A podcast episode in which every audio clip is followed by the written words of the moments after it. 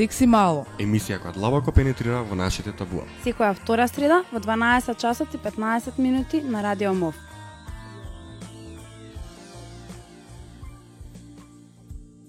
Здраво, здраво. Тука е тимот на Секси Мало, ова уште една среда дружење со нас, директно од студиото на Радио МОВ.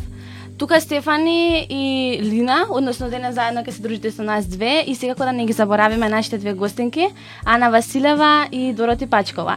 Едно официјално здраво и до вас. Здраво. А, денешната, денешната емисија посветуваме на семејството, односно по повод 15 мај, Интернационалниот ден на семејството. А, овој ден, а, односно 15 мај како интернационален ден на семејството, за прв, е, прв пат е прогласен како таков ден од страна на Обединетите нации во 1993 година, но официјално почнал да биде одбележуван во 1994 година. Од таа година па се до ден денес се празнува на секаде низ светот преку одржување на различни активности, како работилници, семинари, средби што донесуваат чина одлуки, дискусии, едукативни работилници со млади, кампањи, јавни политики за јакнење и поддршка на семејните заедници.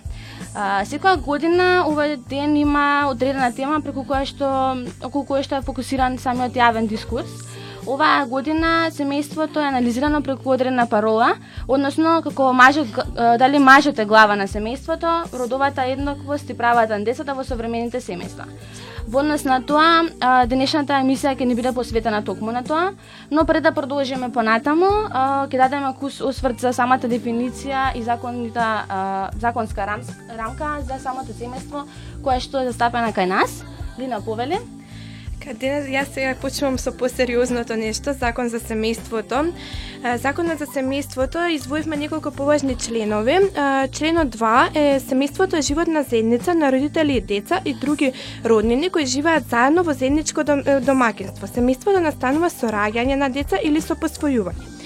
Според член 3, односите во семејството се засновани врз равноправност, заемно почитување, меѓусобно помагање и издржување и заштита на интересите на малолетните деца. Член 4 е пак Републиката обезбедува посебна заштита на семејството, мајчинството, децата, малолетните лица, децата без родители и децата без родителска грижа. Републиката исто така обезбедува заштита на бракот и семејството од нарушени односи и насилство во бракот и семејството. Член 5 е пак за Републиката создава и обезбедува научни, економски и социјални услови за планирање на семејството и за ослободување и одговорно, и одговорно родителство. За дефиниција па како е дефинирано семејството, ако погледнеме на интернет, на сите како што гледаме кај се дефинициите за семејството, најчесто на Википедија, таму се наоѓа дека семејството, односно потесно семејство, е семена, семена заедница која се состои само од брачен пар или од родители, двајца или еден и нивните деца кои не се во брак. Под семејство се подразбира и заедница на партнери кои живеат заедно, а законски немаат засновано брачна заедница. Во согласно со дефиниција за семејството се разликуваат следните типови на семејства: па, брачен пар без деца, брачен пар со дете, деца кои не се во брак, родители, партнери кои се во брак со дете и деца, мајката со дете, деца кои не се во брак и татко со дете или деца кои не се во брак.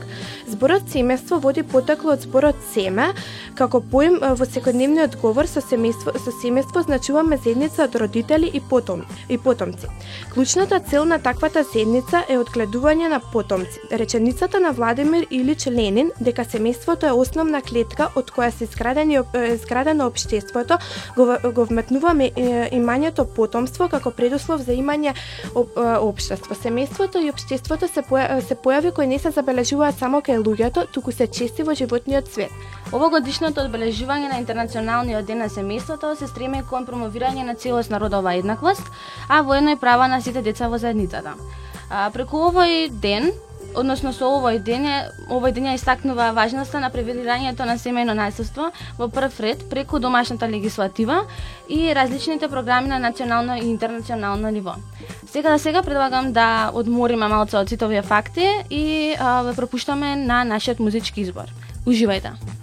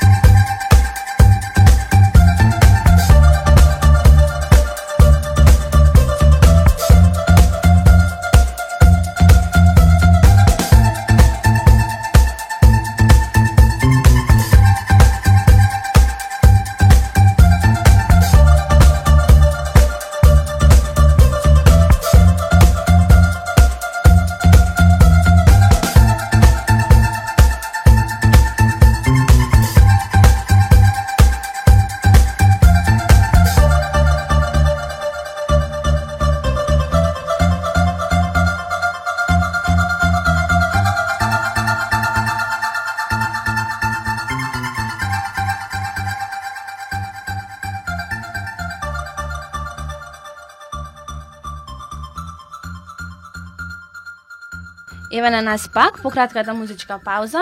А, се надевам а, ви се допадна тоа што ви го спреми Ана, еве беше скромна, не сакаше да се пофати дека музичката избор е незин. А, продолжуваме малце по директен разговор со нашите две гостинки кои што предходно ги најавивме, Ана Василева и Дороти Пачкова. А, еве ќе им дозволам сами да ми се представат на вас. Повелете. А, јас сум Дороти и ќе зборувам од собствена позиција за едно, родо, едно родителските семејства.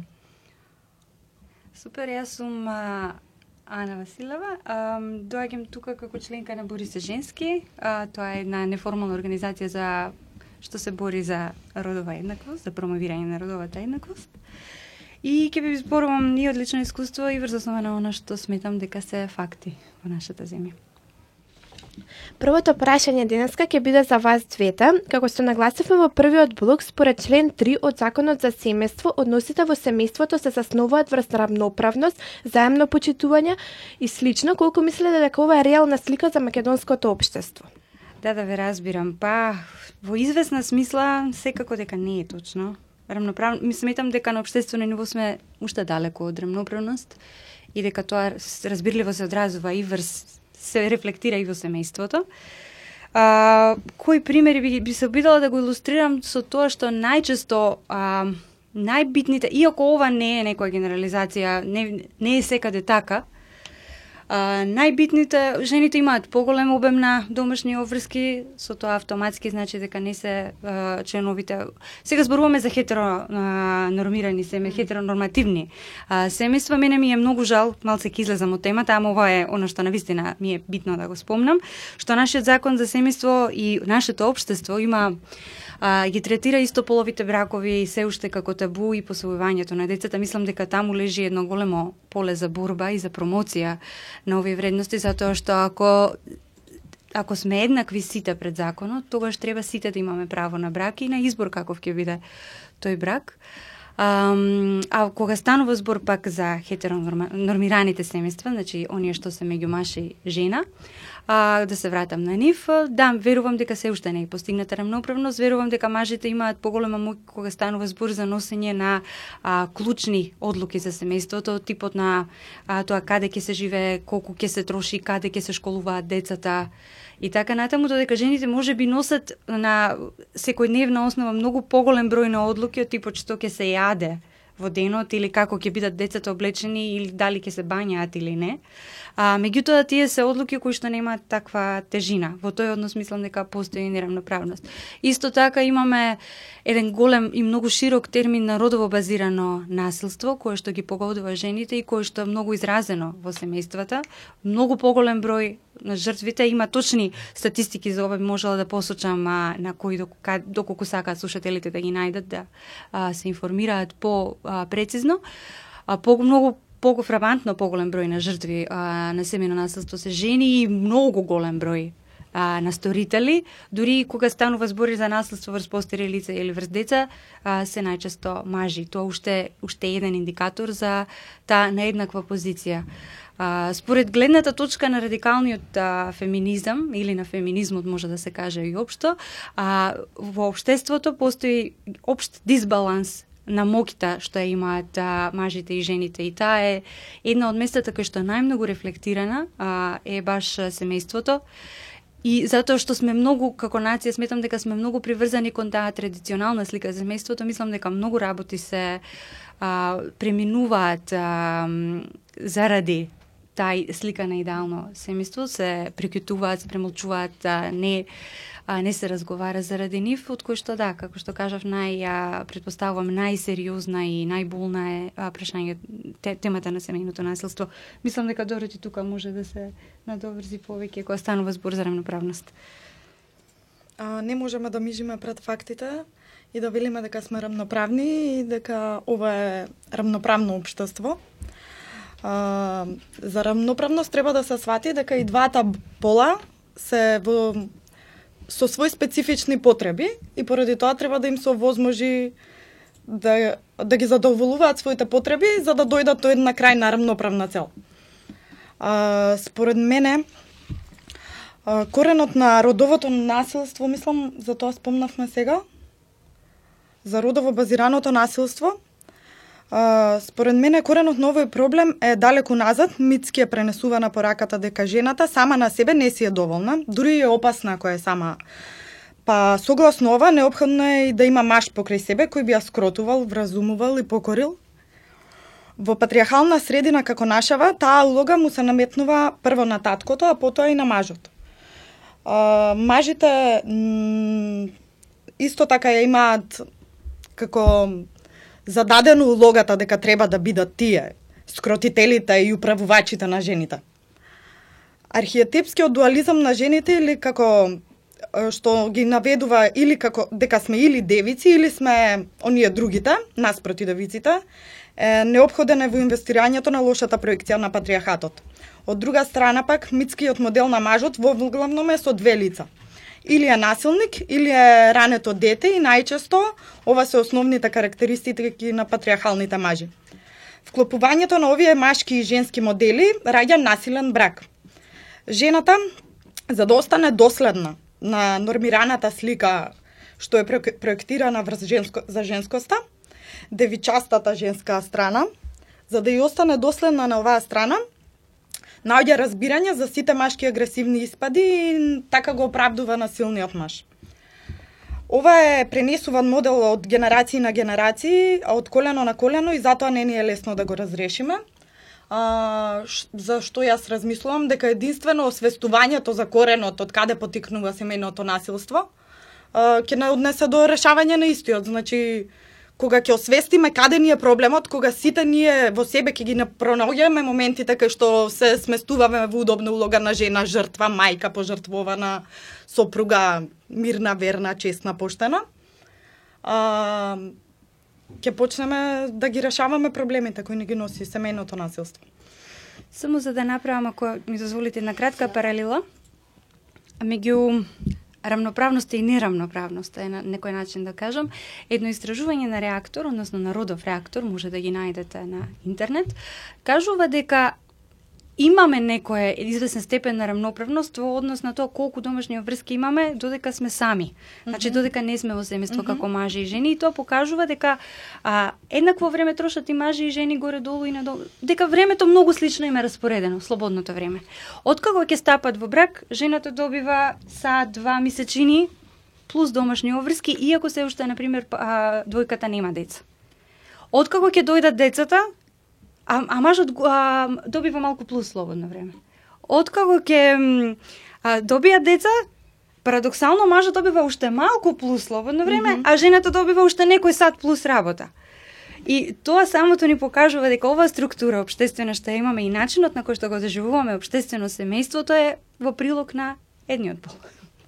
Значи ова е друштвена експлоатација за која зборувана. А, бракот е сватен како форма на работен договор, тука мажот ги просвојува а, плодовите на неплатената домашна работа на жената. Како ви кажам, имаше една со Кети Пери, не знам дали се сеќавате шега, Кети Пери, Кети Пегла. Аха, тоа на Битолски, прилика така некако и по она wife што беше, wife uh, cleaning, ironing или не знам како акроним еден, не се сеќам точно, ама од прилика тоа е тоа. Има шеги, да, доста што за жал покажуваат каква е вистинската состојба. А, sada неколку завршите со да, да. со ова пошироко видување. А, и да се навратиме малку на членовите од законот за семејство повторно, на член 4 кој што вели дека републиката обезбедува посебна заштита на семејството, на мајчинството, децата, малолетните лица, децата без родители и децата без родителска грижа. А, роди, а, републик, Републиката исто така обезбедува и заштита на бракот, а, семејството, нарушените односи, насилството во бракот на семејството. Дали е тоа на вистина така, според вас? Дали сметате дека нашата држава, односно Република Македонија, нуди соодветна заштита и соодветни услови за безбедно мајчинство и воопшто за само за мајчинството? Па на хартија секако се кануди, како да ви кажам. Убаво се замислени законите, во добро, освен тој а, спорен момент со хетеронормативноста и неприфаќањето на хомосексуалните бракови, ова се е да според најнапредните демократи усогласено со најнапредните европски што ги нарекуваме демократски земји, ама а, за жал институционални капацитети немаме за ова да можеме ние за сега да го опружиме, не се издвојуваат доволно средства. Um, Од друга страна, па и традиционалната слика, значи обштествената менталитет, како не го сакам зборот менталитет, ама доживувањето обштествено на бракот кај нас е многу хиерархиско со многу точно определени родови улоги. Се знае што му личи, што доликува на маж, се знае што доликува на жена и се знае што доликува на деца. Децата тука има впечаток дека немаат кој знае какво а, право а, демократско за влијање врз одлуките што се однесуваат на целото семејство. Исто така, следна на хиерархијата, значи од долу кон горе, ако одиме, ќе биде жената која што има збор, ама за одредени теми што се од по-низок интерес, да кажеме, и врховните одлуки се се знае на патриархот, на главата на семејството. Тоа е таткото, ова сепак повторно ќе кажам не е за сите семејства, меѓутоа многу тешко тие кршење на родови улоги ако таткото пегла или или мие садови се доживуваат како навреда дури. А, и кога не се проблем во самото семејство, затоа што се дошло до некој компромис кој што ќе прави, а за околината многу често тоа се доживува како голема трансгресија некоја, иако реално не влијае врз никој од луѓето надвор. А понатаму институционално ако гледаме заштита на деца, заштита на мечисто, сето тоа за жал ние сите факти зборуваат дека тоа ни е на многу ниско ниво. Имаше статистика некоја дека сме лидери во Европа по однос на смртност на новороденчиња. Тоа покажува дека а, ни е ниска грижата за, за новороденчиња и за мали деца. Од друга страна, истражување има и во весни, а, односно има и надписи во весници за тоа колку е лоша состојбата во посвојувалиштата. Од трета страна пак ќе спомнам тука затоа што е постојано многу важна и обштествената перцепција која што во која што посвојувањето е огромно табу.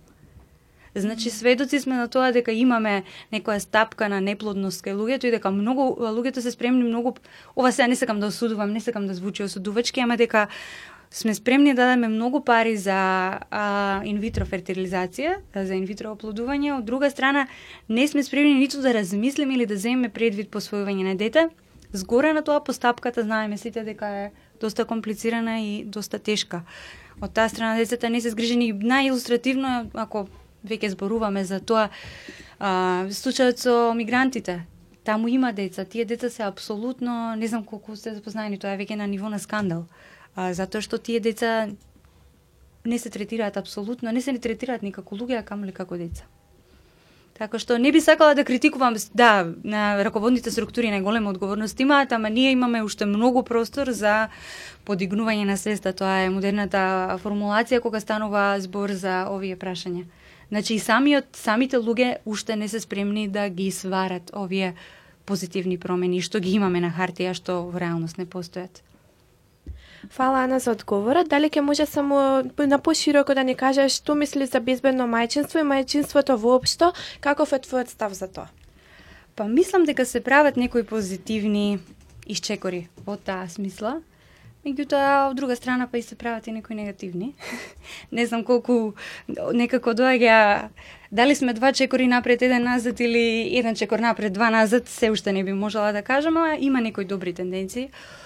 Од а, друга страна, мислам дека сме уште далеко и дека светот е уште далеко од соодветна, значи на светско ниво тука би критикувала, на глобално, не само на а, ова наше во локално македонско ниво, сметам дека не обезбедува доволно добра заштита. Кога јас би се прашувала, сметам дека сите бремени жени или мајки на мали деца би требало да имаат слобода, значи зборувам за сите, не само за тие што се вработени, иако и тие, да имаат слобода да работат по своја желба колку сакаат да работат од дома, да има да има многу голема флексибилност во однос на нивните барања и потреби. А, исто така и за малите, не само за бремените жени, туку и за тие што имаат а, и не само за жените што имаат мали деца, туку и за мажите, за родителите. А понатаму за жал на пример а, имаме насилство при породување што е многу теж, а, како да ви кажам, болна тема и што многу малку е застапена во јавност. А, на државните клиники буквално терор им се случува на жените кога раѓаат а, се навредувани, се исмевани, понекогаш дури физички пресметки добиваат и тоа е еден цел систем кој што почнува на едниот крај со недоволната информираност на жените, која што ги става во многу подредена положба и завршува на друга страна таа перцепција на грешната жена што сите треба да ја казнат. Знаеме некои анекдоти за тоа како им велеле на жени и сега врискаш, а кога го правеше детето ти беше убаво. Мислам што е ствар, на вистина сметам дека е на ниво на нај а, суштинско кршење на човеково право на напред огромна. А тоа е нешто што најверојатно често се случува и останува некако заташкано затоа што во име на тоа што ќе си има ново дете, колку ни е убаво, сега тоа ќе го заборавиме, нели? Тие работи се... ни се случува плюс. Да, тие работи се па случува. сега јас тука ќе се бунам. А, да, на, значи тоа мора да се регулира институционално. Тоа не смее да се случува, ама па јавноста нема некој немало покренување, ретки се иницијативите што се покренуваат mm. пова и не добиваат некаква масовност, иако 50, рече си 50% од а, населението е а, засегнато од овој проблем ако всушност и 100% ако земеме така. Се надевам дека никој не би посак, посакал партнерката да му биде малтретирана и а, жртва на изживување додека раѓа, што е само по себе многу тежок а, момент.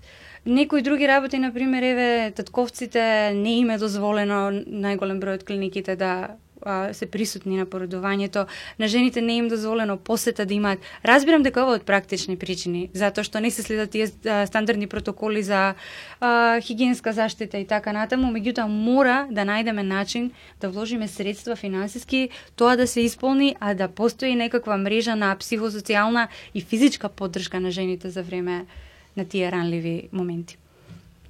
Благодарам, Ана. Ајде сега малку да се опуштиме со повторно со блок музика, па потоа повторно се враќаме во студиото со вас две. Sometimes my heart is on the ground, and it's me who is walking all over it.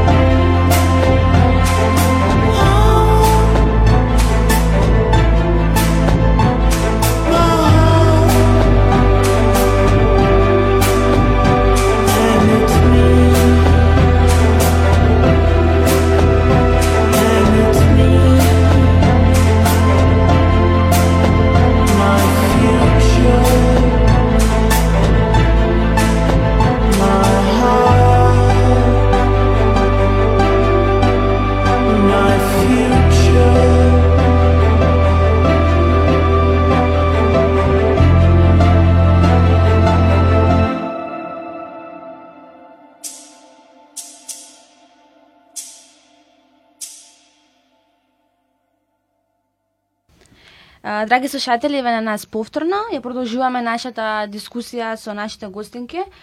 Дороти, дали би сакала да ни кажеш нешто повеќе за како изгледа да се биде на самохрана мајка во општество како нашето?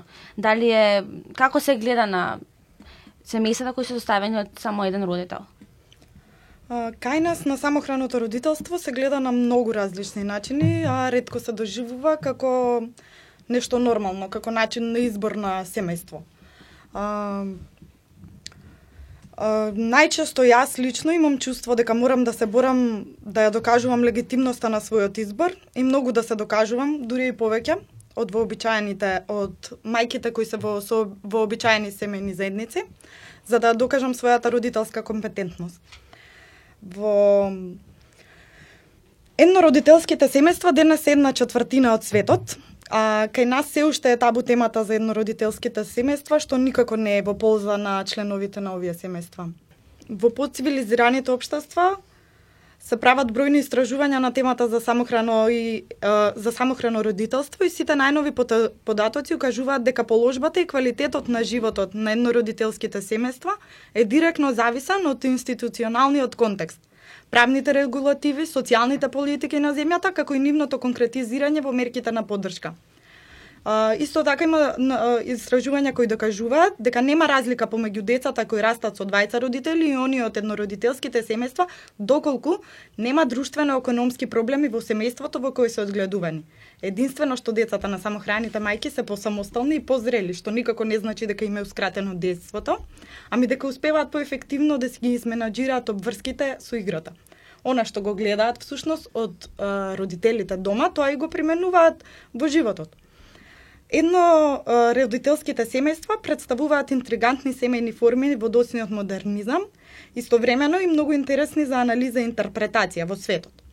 Може да се издвојат неколку облици на јавни дискурси на видување на еднородителските семејства. Најчестиот е оној кој гледа на овие семејства како на друштвена закана. Другиот дискурс ја гледа оваа семејна форма на друштвен проблем, а третиот ја доживува како алтернативен стил на живот. Четвртиот дискурс борува за еднородителските семејства како за бегство од патриархатот. Иако овие дискурси може да се гледаат како спротиставени во различните начини на кои се одредуваат настанувањата на самиот на самите семејства, воглавном се во главном сите овие дискурси се поклопуваат во своите конструкции. Во нашава земја да се биде самохран родител значи не знам да се соочувате со многу прашалници во очите на секојднев а, на оние со кои секојдневно комуницирате и да се бара од вас отчетност. Зошто тоа вие така сте одлучиле да гаете поинаку дете сами. А, меѓутоа исто така и е предизвик заради тоа што секојдневно се се едноставно принуден си да се подобруваш сами од себе си и да изнаоѓаш начини како да ги надминуваш сите овие неповолности. А, децата се деца без разлика со колку родители се растени. Тие ни го активираат прагот на нашата толеранција, не разбудуваат, не поттикнуваат, не подсетуваат на изворната радост на животот. Како самохрана мајка, ја секојдневно се предизвикувам самата себе си да можам да жонглирам со мноштвото обврски и сето извршено да биде квалитетно, но и да дава пример на оно што ме гледа, на син ми. Како тоа се живее и колку всушност животот убав и секогаш треба да се обидуваме да изнаоѓаме решенија. А, благодарам Дороти што го сподели со нас твоето искуство која е самохрана мајка во нашата држава, како изгледа тоа со сите предизвици и секојдневни ситуации, односно не ситуации. А, да не го заборавиме сепак и таткото како дел од семејството. Ана, дали би сакала повеќе да ни каже според тебе каква е неговата улога? Како се гледа на, на, на татковството во нашата земја? А, исто така може да ни да споделиш со нас и за она што го пишуваш на твојот блог, односно за самото присуствување на чинот на породувањето од страна на таткото. Дали може ли нешто повеќе околу тоа? Па еве би почнала од тоа како се доживува од самохраните татковци како се доживуваат кај нас иако нормално немаме тука самохран татко, па ќе зборуваме во туѓе име. А според пак повторно тие истражувањето на реактор кои што ги спомнав, а, за разлика од самохраните мајки од кои што се очекува, а, заради тоа што не успеале, условно кажано, да одржат идеално семејство, односно да имаат маш, а, кој што ќе ги поддржува а, во подигнувањето на децата и се очекува се да направат сами, да бидат дупло човек, како да кажам. За, многу има големо сочувство за самохраните татковци, повторно патриархално кај нас, така што се доаѓа до резултатот истражување кој што вели дека самохраните татковци а, дневно посветуваат ова дури јас не можев да го поверувам, иако сум доста критична, вкупно две минути внимание на своите деца затоа што целокупната грижа за тие деца е преземена од останатите женски или постари членови на поширокото семејство. Значи, тука се мајки, односно баби, а, сестри, тетки, а, дедовци исто така. А, и А од друга страна пак тоа води до една таква страшна предрасуда кон тие татковци што сами ќе се нафатат да ги одгледуваат децата што сите им велат дека нема шанси да можат да го направат тоа зашто не ги бива. Мажи се. Едноставно тие не знаат како може татко да знае кога на детето му треба мајка, баба, тетка. И тука има дупла, од една страна привилегија, од друга страна дискриминација, како да кажам. Ке имате помалку работа, ама затоа што сметат дека едноставно не ве бидува за тоа. И на тоа многу треба да се работи затоа што реално најновите истражувања покажуваат дека тие семејства кај што има татко, кај што постои како фигура е многу важно да биде инволвиран во одгледувањето на децата, па тука не знам развојот на раниот детски развој, развојот на мозокот, когнитивниот развој, колку се во голема мера поврзани со тоа колку децата добиваат внимание од таткото што е во самото семејство. А, јас сметам дека поголемото вклучување на татковците би решило многу големи проблеми на обштествено ниво. Прво, ќе биде од многу голема корист за самите деца. Затоа што секако дека децата што живеат во семејство со двајца родители, ќе им биде подобро ако имаат внимание, имаат две перспективи, две два начини на воспитување и така натаму. А, понатаму сметам дека тоа ќе им помогне многу на мајките од една страна, затоа што ќе имаат малку време да здивнат, а од друга страна ќе ги оспособи многу повеќе татковците, ќе бидат многу покомпетентни во секојдневието, ќе знаат да се справат со секојдневни ситуации, ќе знаат да пуштат на пример машина за перење или нешто или да направат ручек за себе и за децата ако жената не е во состојба да го направи тоа Од трета страна, мислам дека тоа и ќе намали дискриминацијата многу пошироко на пазарот на трудот, еве условно така да кажеме.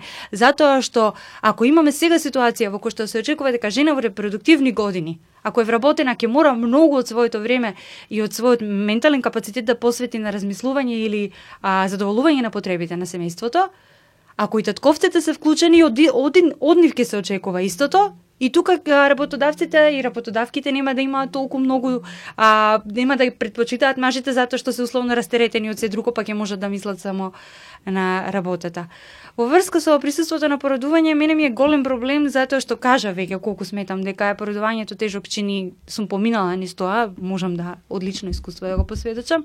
И да, мојот сопруг беше со мене и многу, многу ми значеше, иако јас воопшто не бев пријатна во тие моменти, значи не беше ништо розово, кој јас бев на вистина нервозна ама тешко е а, кај нас прво луѓето не го прифаќаат тоа, второ нема некои услови во клиниките кои што би го дозволеле тоа, треба да се најави, па на крај се сведува на тоа што само таткото ќе биде повикан проформа да пресече а, папочната врвца, додека пак сметам дека во цел тек на тие 8 или 12 сати што трае породувањето, дека е потребно некој, не мора да е таткото, може да е истополова партнерка, може да е мајка или специјално платена жена за тоа дула, се викаат, што ќе биде тука чисто за да ја поддржува мајката да издржи да заврши работа во најдобар свој интерес и во интерес на детето.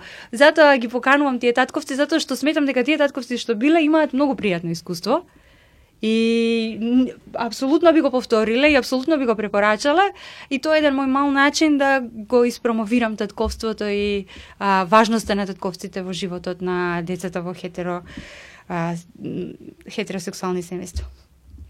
Во ред, благодарам.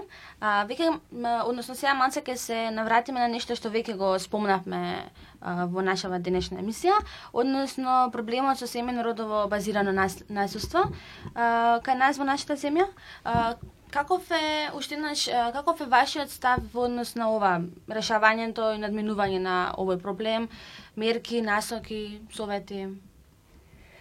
А, па да, зборувавме колку е страшен проблем, на тоа не би се навраќала, меѓутоа сметам дека институционалните капацитети не ни се доволно развиени за не ни се родово а, сензибилизирани, како се вика на македонски тоа.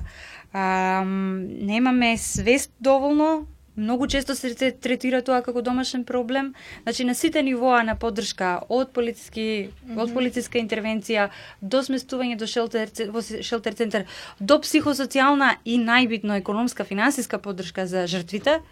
И на крај на сосем другиот спектрум психосоцијална поддршка за сторителите.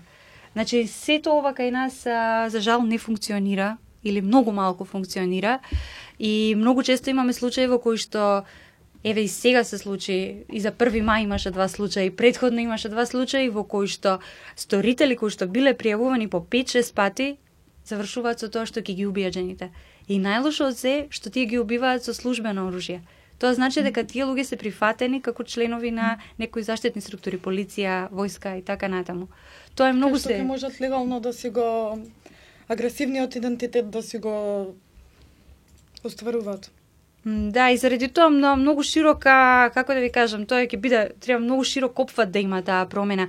А, луѓето што се сторители на семено насилство да поминат низ а, терапија, а, со многу поддршка за да можат да ги надминат тие проблеми. Уште повеќе жртвите да им се понуди на вистина голема помош некои грантови за да можат финансиски да се а, осамостојат и да можат да ги издржуваат своите деца. Како проблем број 1 на жртвите на семено насилство, а, докажено е дека е економскиот статус, зависноста од партнерот кој всушност ги злоставува.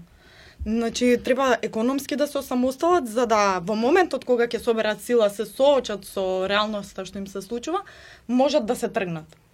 Заради тоа што и кога, на пример, пријавуваат, го пријавуваат партнерот како сторител на семено насилство, а, кога ќе се решат да го пријават, при враќањето во истиот дом, во заедницата каде им е вршено семејството насилство, се, де, се случува многу поголемо насилство.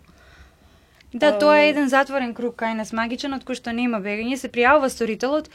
Најчесто се смета тоа за смешка се игнорира од страна на полицијата, а ако се доживее сериозно, еве жртвата ќе биде а, одстранета од домот заедно со децата, иако реално би требало сторителот да е одстранет.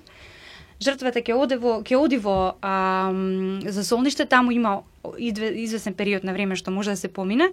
После тоа, ако нема финансиска поддршка, ако не е финансиски независна и ако семејството не ја премија, а многу често во некои средини кај нас тие жени се осудуваат од семејството и се смета дека треба да трпат, Да ги не ги прима матичното семејство и на крај се враќаат кај сторителот и тогаш веќе цело општество се откажува од нив. Сама си се врати.